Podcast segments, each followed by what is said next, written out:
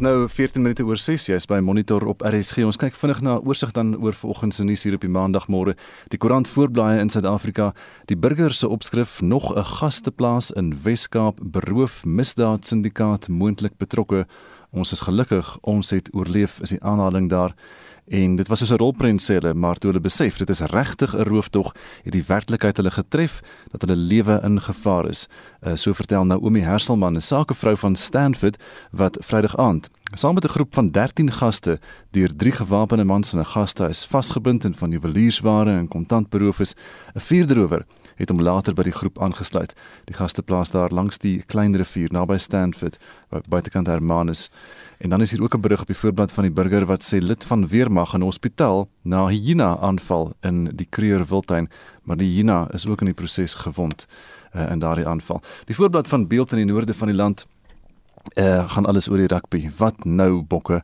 Omvattende ondersoek kom oor span se dissipline sê Ninaber en berigte daaroor die duur foute en so aan en die verslaandheid uh, daar op die veld Springbokke 26 Wallabies 28 En dan natuurlik die ander voorblad berig op alle koerante vandag. Suid-Afrika skuif na vlak 2 inperking in Ent Cyril hou 'n wortel voor die neus.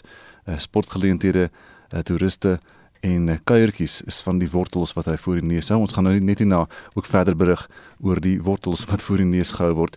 Die digitale voorblad van Volksblad vanmôre huisbrand voor verjaarsdagpartytjie is 'n huis wat in uh, Universitas in Bloemfontein afgebrand het.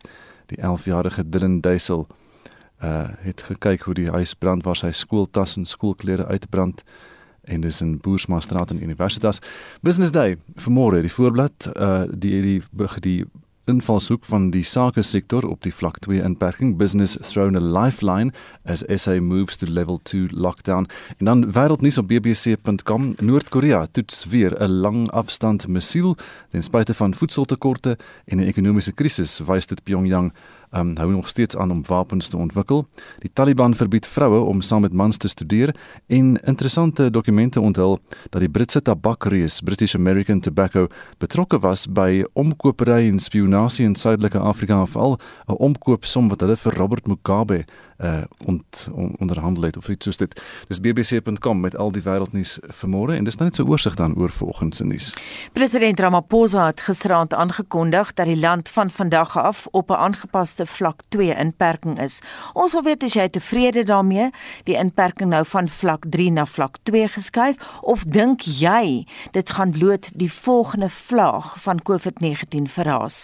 Stuur 'n SMS na 45889, onthou dit kos R1.50 of gaan na Monitor en Spectrum se Facebookblad of WhatsApp vir ons stemnota na 076 536 6961 076 536 6961 Dis nou 17 minute oor 6 en gepraat van die president se toespraak gisterand.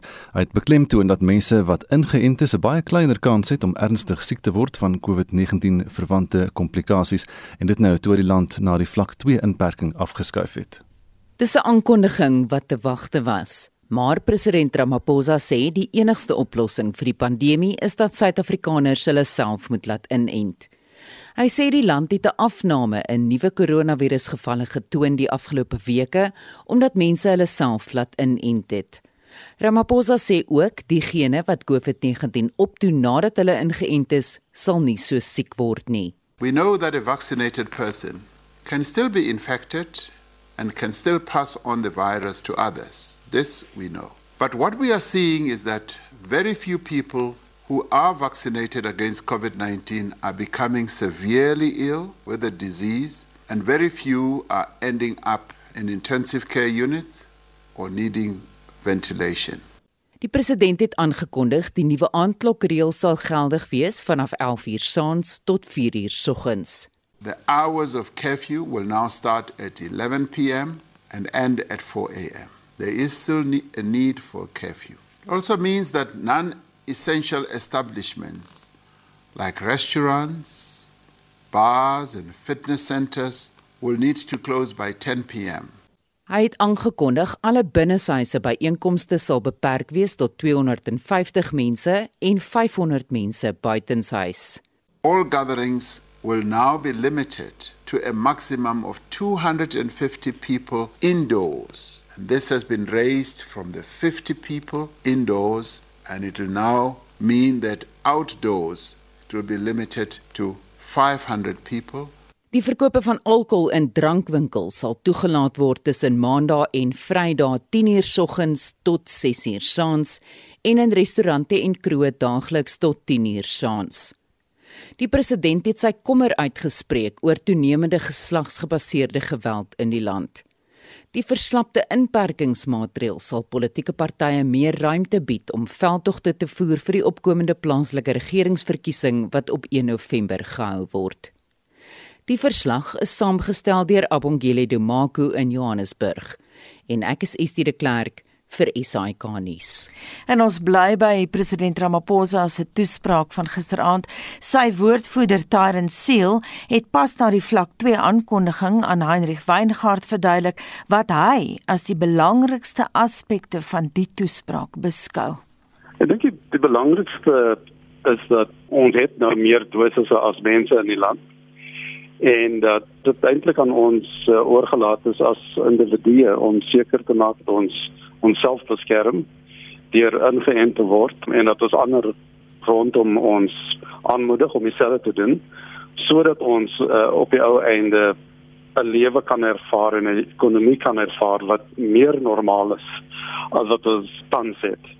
So ek dink die kernboodskap is dat um, ons deel almal in hierdie verantwoordelikheid om uh, seker te maak dat ons onsself beveilig en daardeur ons bevolking beveilig en die president het uh, net terloops het hy het genoem dat dat 'n enting nou beskikbaar is nie net vir Suid-Afrikaners nie maar ook vir mense vanuit ander oorde wat hulle self uit die land bevind.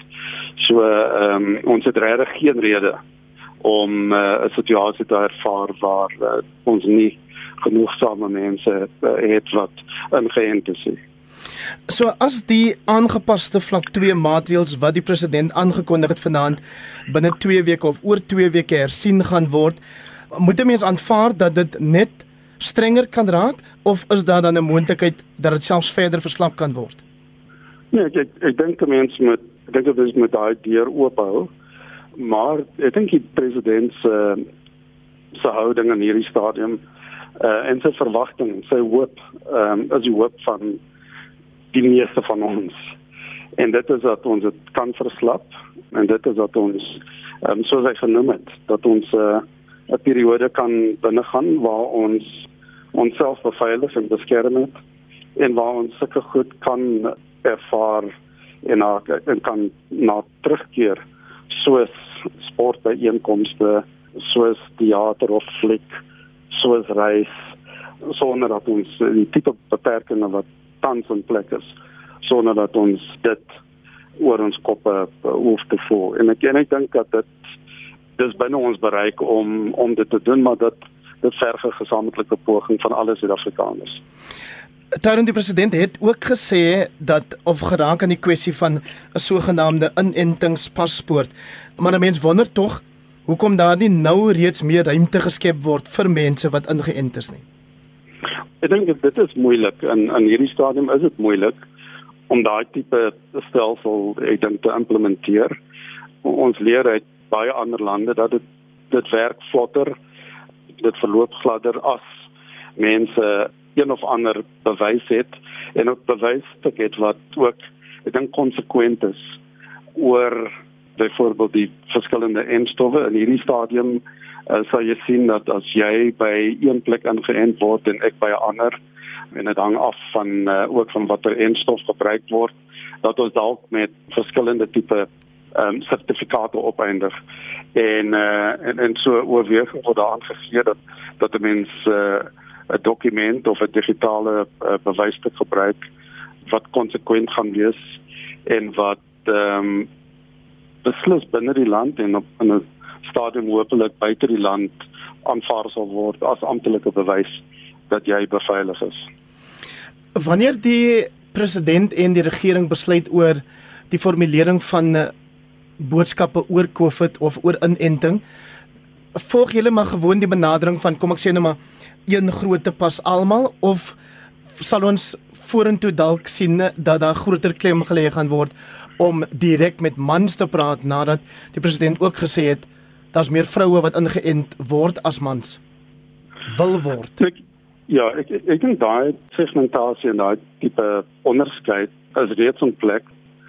Dit word reeds toegepas. Ehm um, in die manier waar ons waar ons uitreik na verskillende sektore van die gemeenskap en in die manier waarop ons uh, kommunikeer. Ek dink dat ehm um, so so aan die een kant moet mense aanvaar dat dat hierdie verantwoordelikheid rus op uh, op die regering om heeltyd uh, daai boodskap aan die gang te hou en heeltyd die land te mobiliseer om 'n inenting te bevorder. Maar terselfdertyd moet mense ook sê dat ehm um, ek dink daar is in hierdie stadium is daar genoeg inligting en daar is genoeg bewyse dat 'n inenting werk. Uh, die president het derhalwe uh, doelbewus uh, sy toespraak begin deur te praat van die uh, deur die voorbeelde gebruik van die Weskaap waar ehm um, waar in in die ouderdomsgroep uh, van mense wat ehm um, ouer as 60 is dat daar in 'n week in Augustus is 699 mense in daai ouderdomsgroep uit 729 wat in hospitale opgeneem is.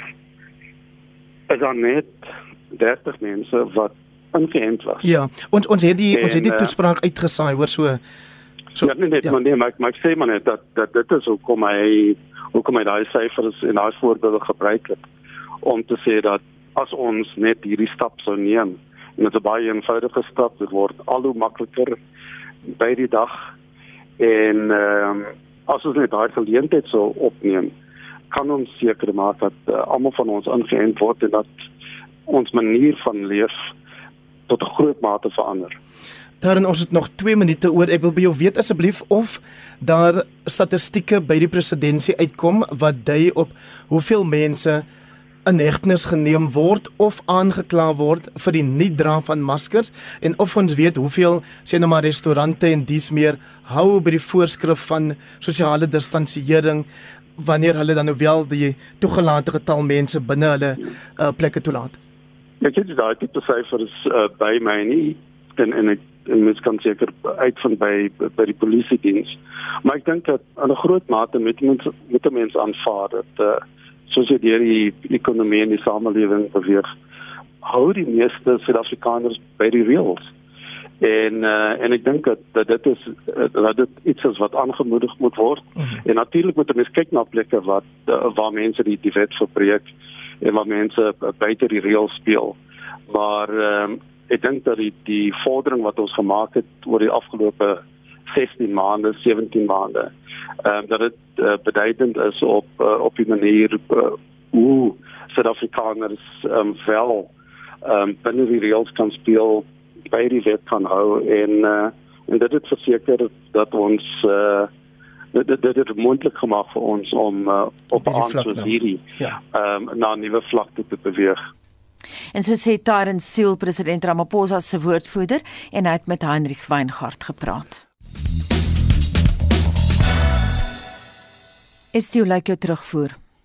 Anita ons vra vanoggend vir ons luisteraars of hulle tevrede is met die verligting van die inperkingsmaatreëls van vlak 3 na vlak 2 en of hulle dink dit sal bloot 'n volgende vlaag verhaas en MC Stein sê my mening is dat ons op vlak 4 of 5 moet bly want mense gaan nou net nie meer bekommerd wees oor hoe naby hulle aan mense is nie of sonder maskers loop hulle doen dit alreeds. Andre de Tooy skryf daar is persone wat net nie omgee nie niks gaan verander nie. Beatrice Rademeier sê sy is tevrede. Dit sal beslis help indien die maatreëls toegepas word deur almal. Daar is toenemend persone in die publiek wat nie maskers dra nie.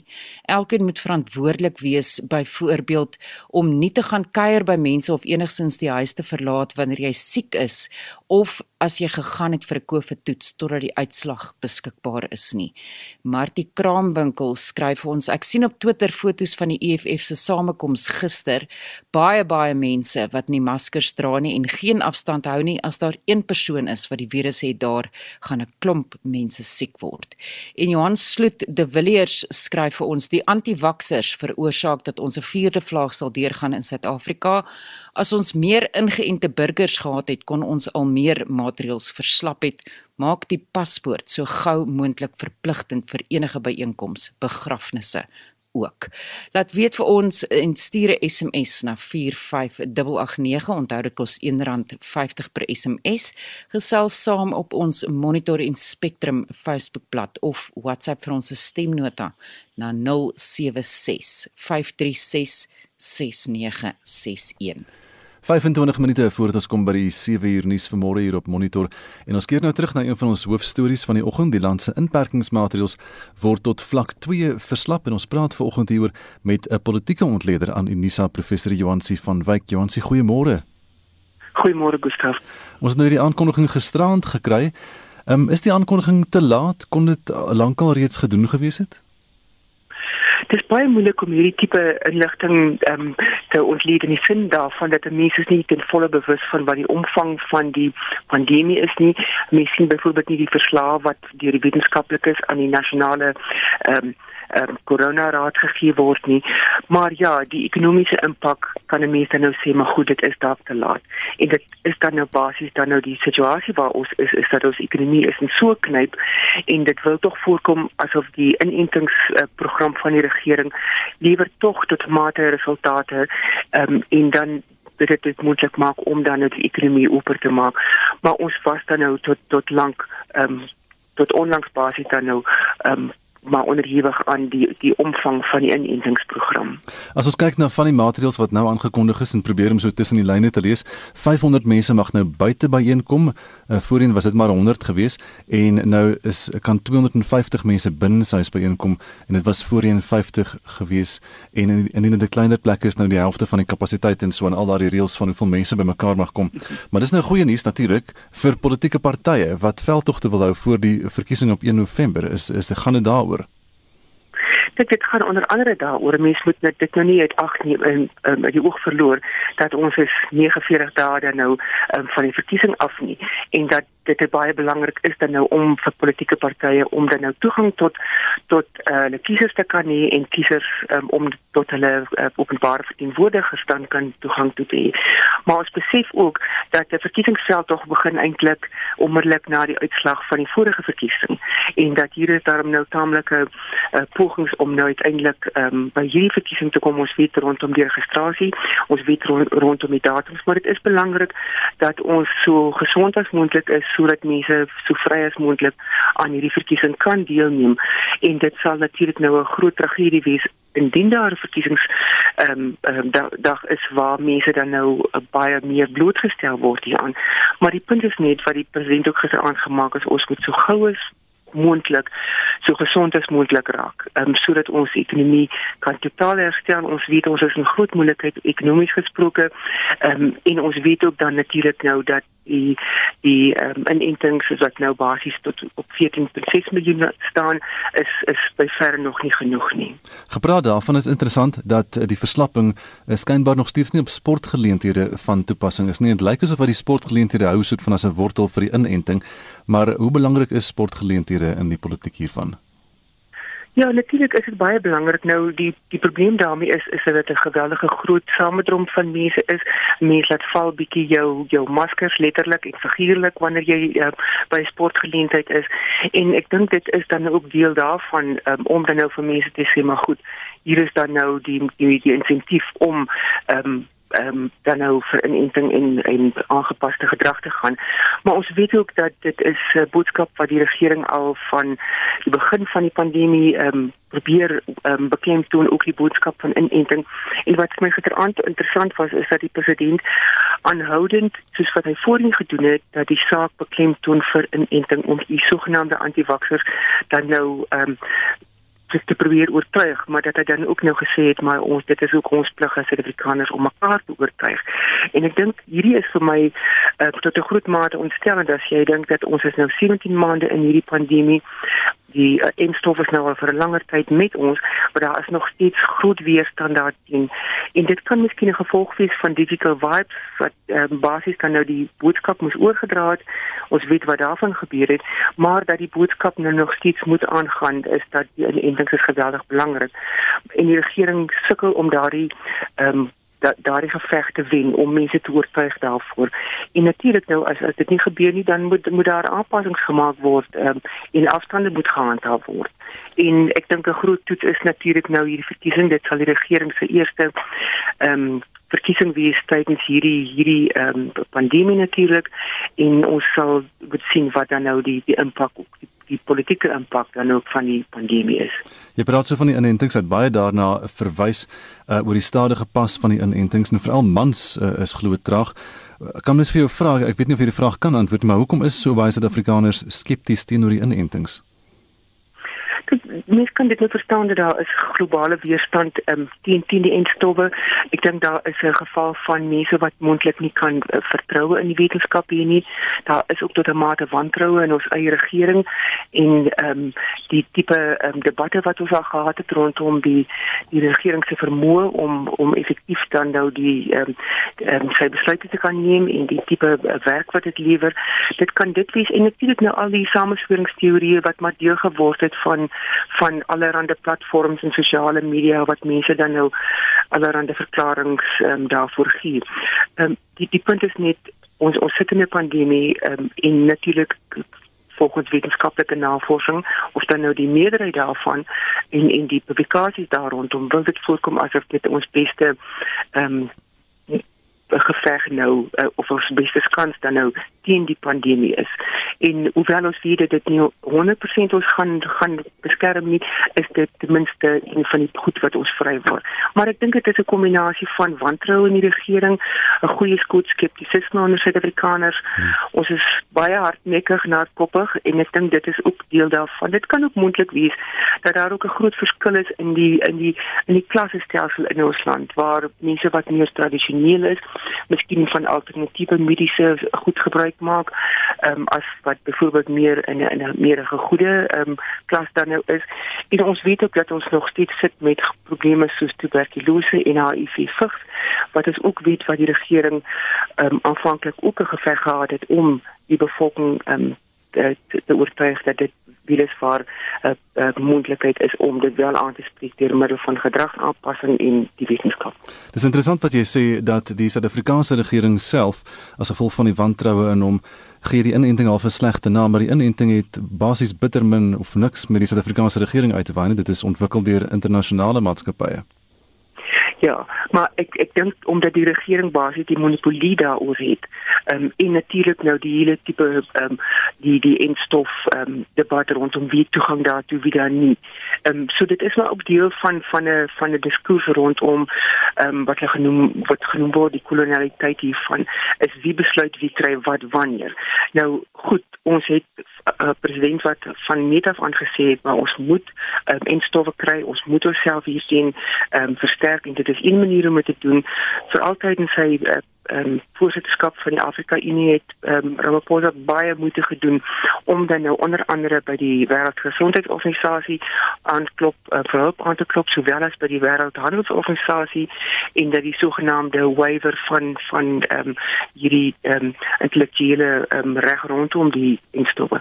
En dit is besig om een van die die die pluspunte te raak soos wat die president ook gister aangesê het ons land is besig om 'n 'n inentings ehm um, stasie basis te ontwikkel um, die tempo waar die inentings plaasvind. Nou ons weet dat ons ons moet um, op ons voete begin kom. Ons ons land wat voorheen die die beste en die grootste ekonomie in Afrika is, het, het teruggesak tot die derde plek um, op die kontinent as jy kyk na die jongste wêreldbank verslae en of dit nou deel is van die van die um, die pandemie dit kan natuurlik daarvan as gevolg van dies maar die punt is ons gaan nie ons posisie verbeter as ons nie 'n sterker en gesonder bevolking het wat dan ook dan nou meer effektief aan die ekonomie kan deelneem. En gepraat van die fokus na inentings het ook verwys na die sogenaamde inentingspaspoort wat jy elektronies op jou foon sal kan hê maar wat nou nie verdere inligting gaan verskaf as dat jy ingeënt is en al twee jou inentings gekry het byvoorbeeld nie. Verwag jy dat instansies soos winkels, maatskappye, universiteite, die werkplekke en so aan meer druk op individue gaan plaas om ingeënt te wees as hulle by hulle geboue wil inkom. Ja, dit is 'n uh, uh, interessant in die sin van dat ek dink tog daar sal 'n paar grondwetlike hofsaake dan hieroor kan kan ontstaan oor wat is dan nou die reg en die grondwetlikheid van die tipe besluit. Um, omdat dit basies dan nou vrywillig nog steeds is. So die die instofpaspoort wat die minister van gesondheid ook dan nou vlede week na verwys het, um, is dan natuurlik nou nog onder bespreking watter formaat dit gaan wees of dit digitaal is of selfoon of wat dan ook al die instrument is.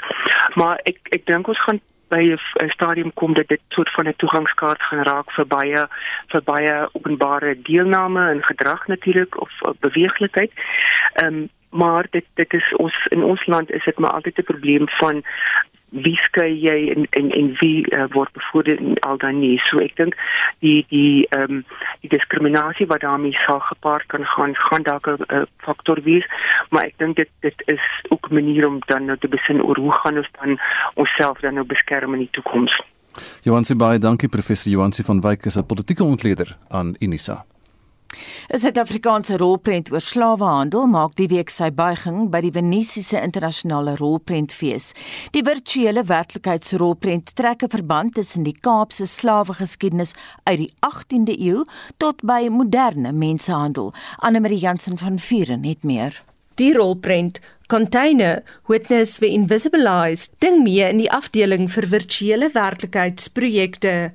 Die rolprentmakers Megna Singh en Simon Wood het sowat 6 jaar lank hieraan gewerk. Singh verduidelik. I moved to Cape Town in 2013 to do my PhD, which looked at historical and contemporary migrations in Cape Town.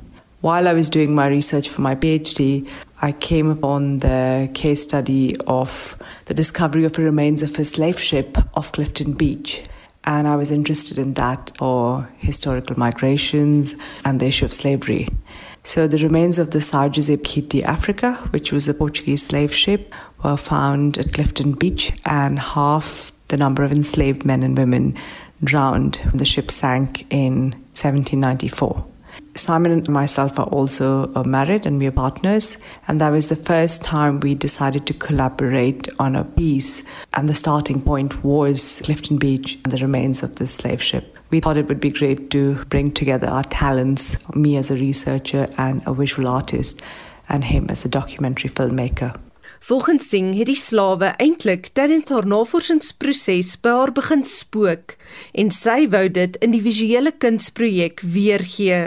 Sy het inspirasie geput uit die boek Ghostly Matters van die skrywer Avery Gordon. in which she proposes hunting as a phenomena to understand historical repression in society. She suggests that engaging with a ghost is about putting life back. I think that as a starting point for the work was very important. The work takes you in a container, ever transforming container, and you move across time and space. So, from historical slavery to contemporary servitude. And we played a lot with the idea of ghosting which you can see in the piece. I think my background as an installation artist helped, and Simon's great amount of experience in documentary filmmaking added a lot to the project.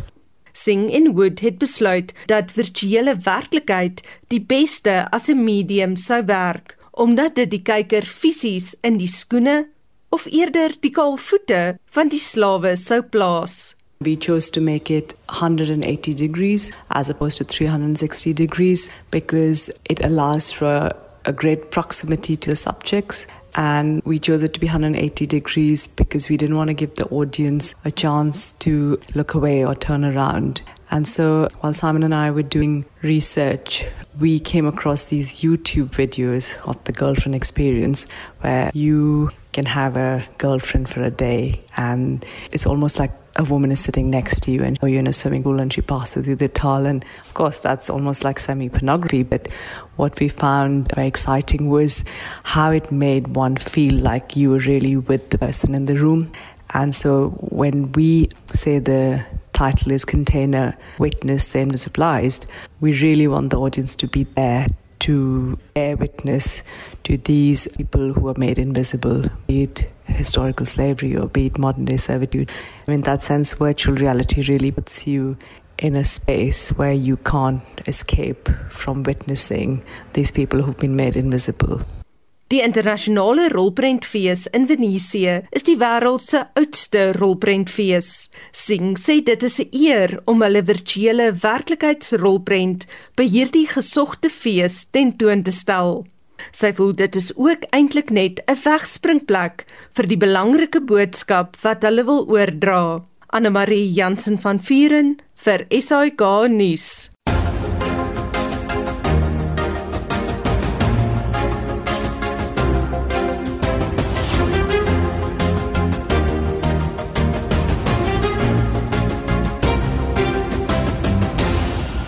Dis 10 voor 7 by Monitor op RSG. Die verkiesingskommissie het bekend gemaak dat slegs 3 politieke partye, die ANC, die DA en Action SA, hulle individuele skenkings verklaar het. Tussen 1 April en 30 Junie is altesaam meer as 30 miljoen rand aan die partye geskenk. Politieke partye moet ingevolge die wet op die befondsing van politieke partye skenkings van meer as 100 000 rand aan die OVK verklaar.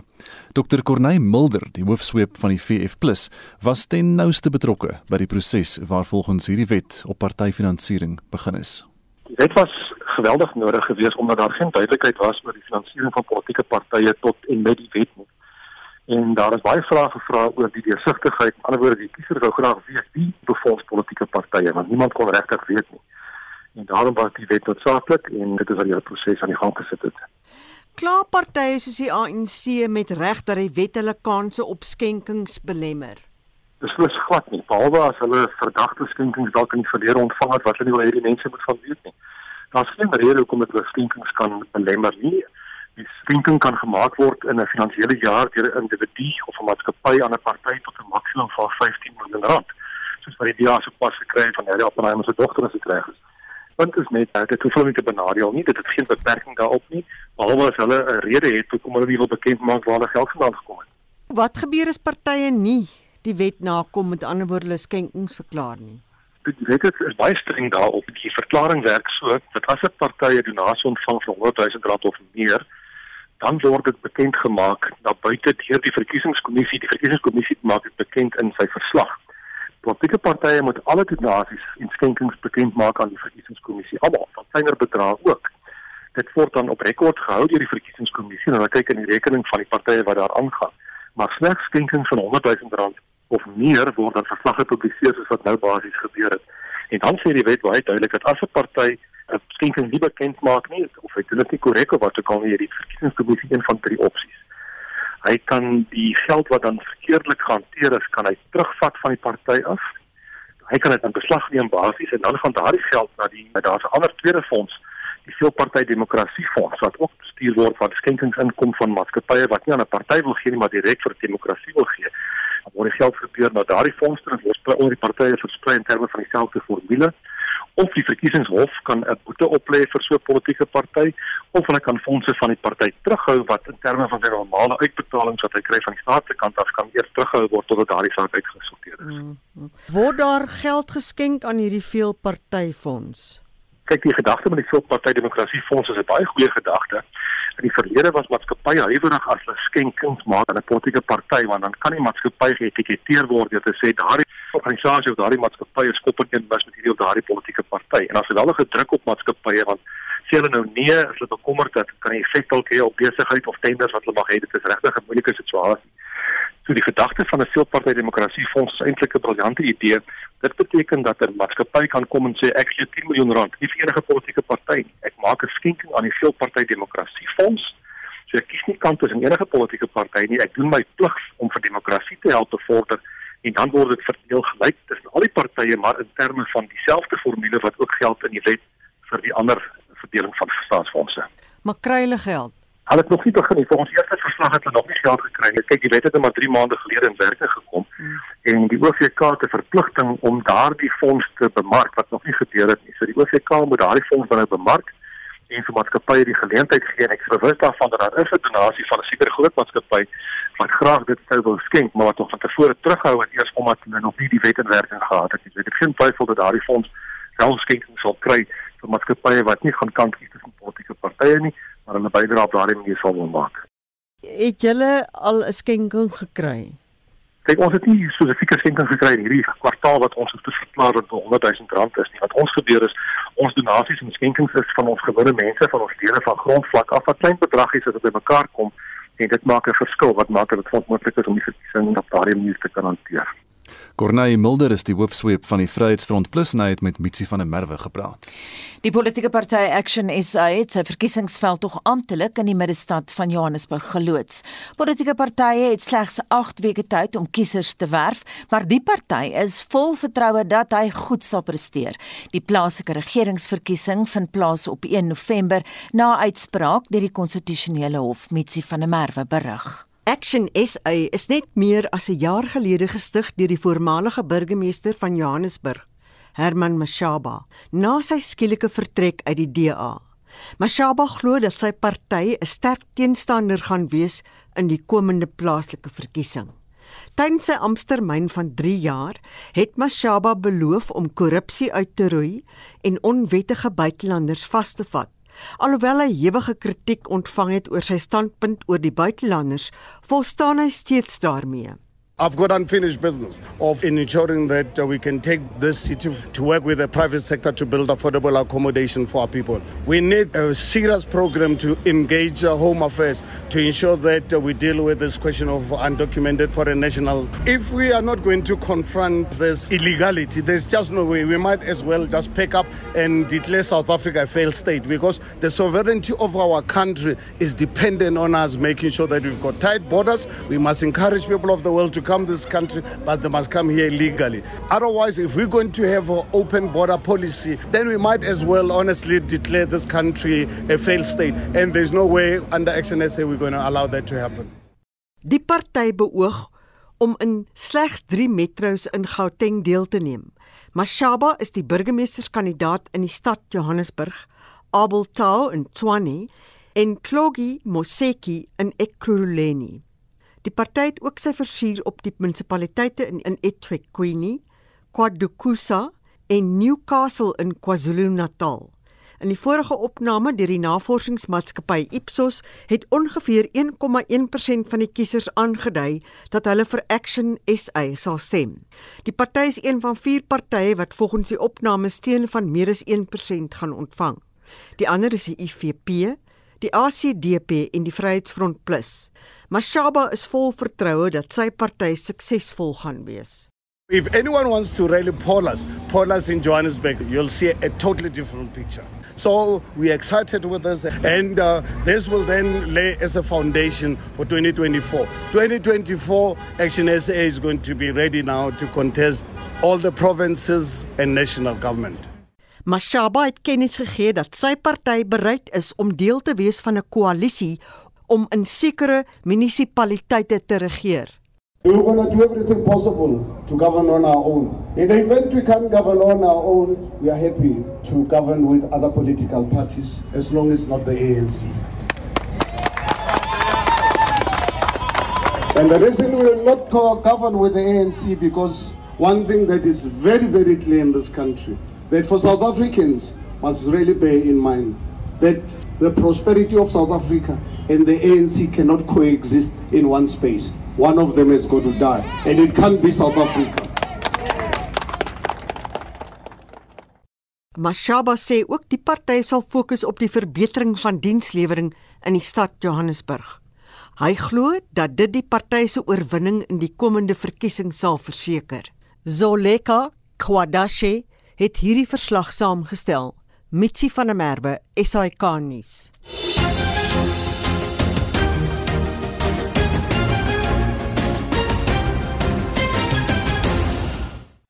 Estie Rex Bester skryf by einkomste van watter aard ook al met minimum 250 persone is 'n risiko en dis 'n ondeurdagte besluit en Martie Brits laat weet 'n laer vlak sal alleenlik suksesvol kan wees as mense hulle maskers dra en hulle afstande hou. En dit bring ons by 7uur.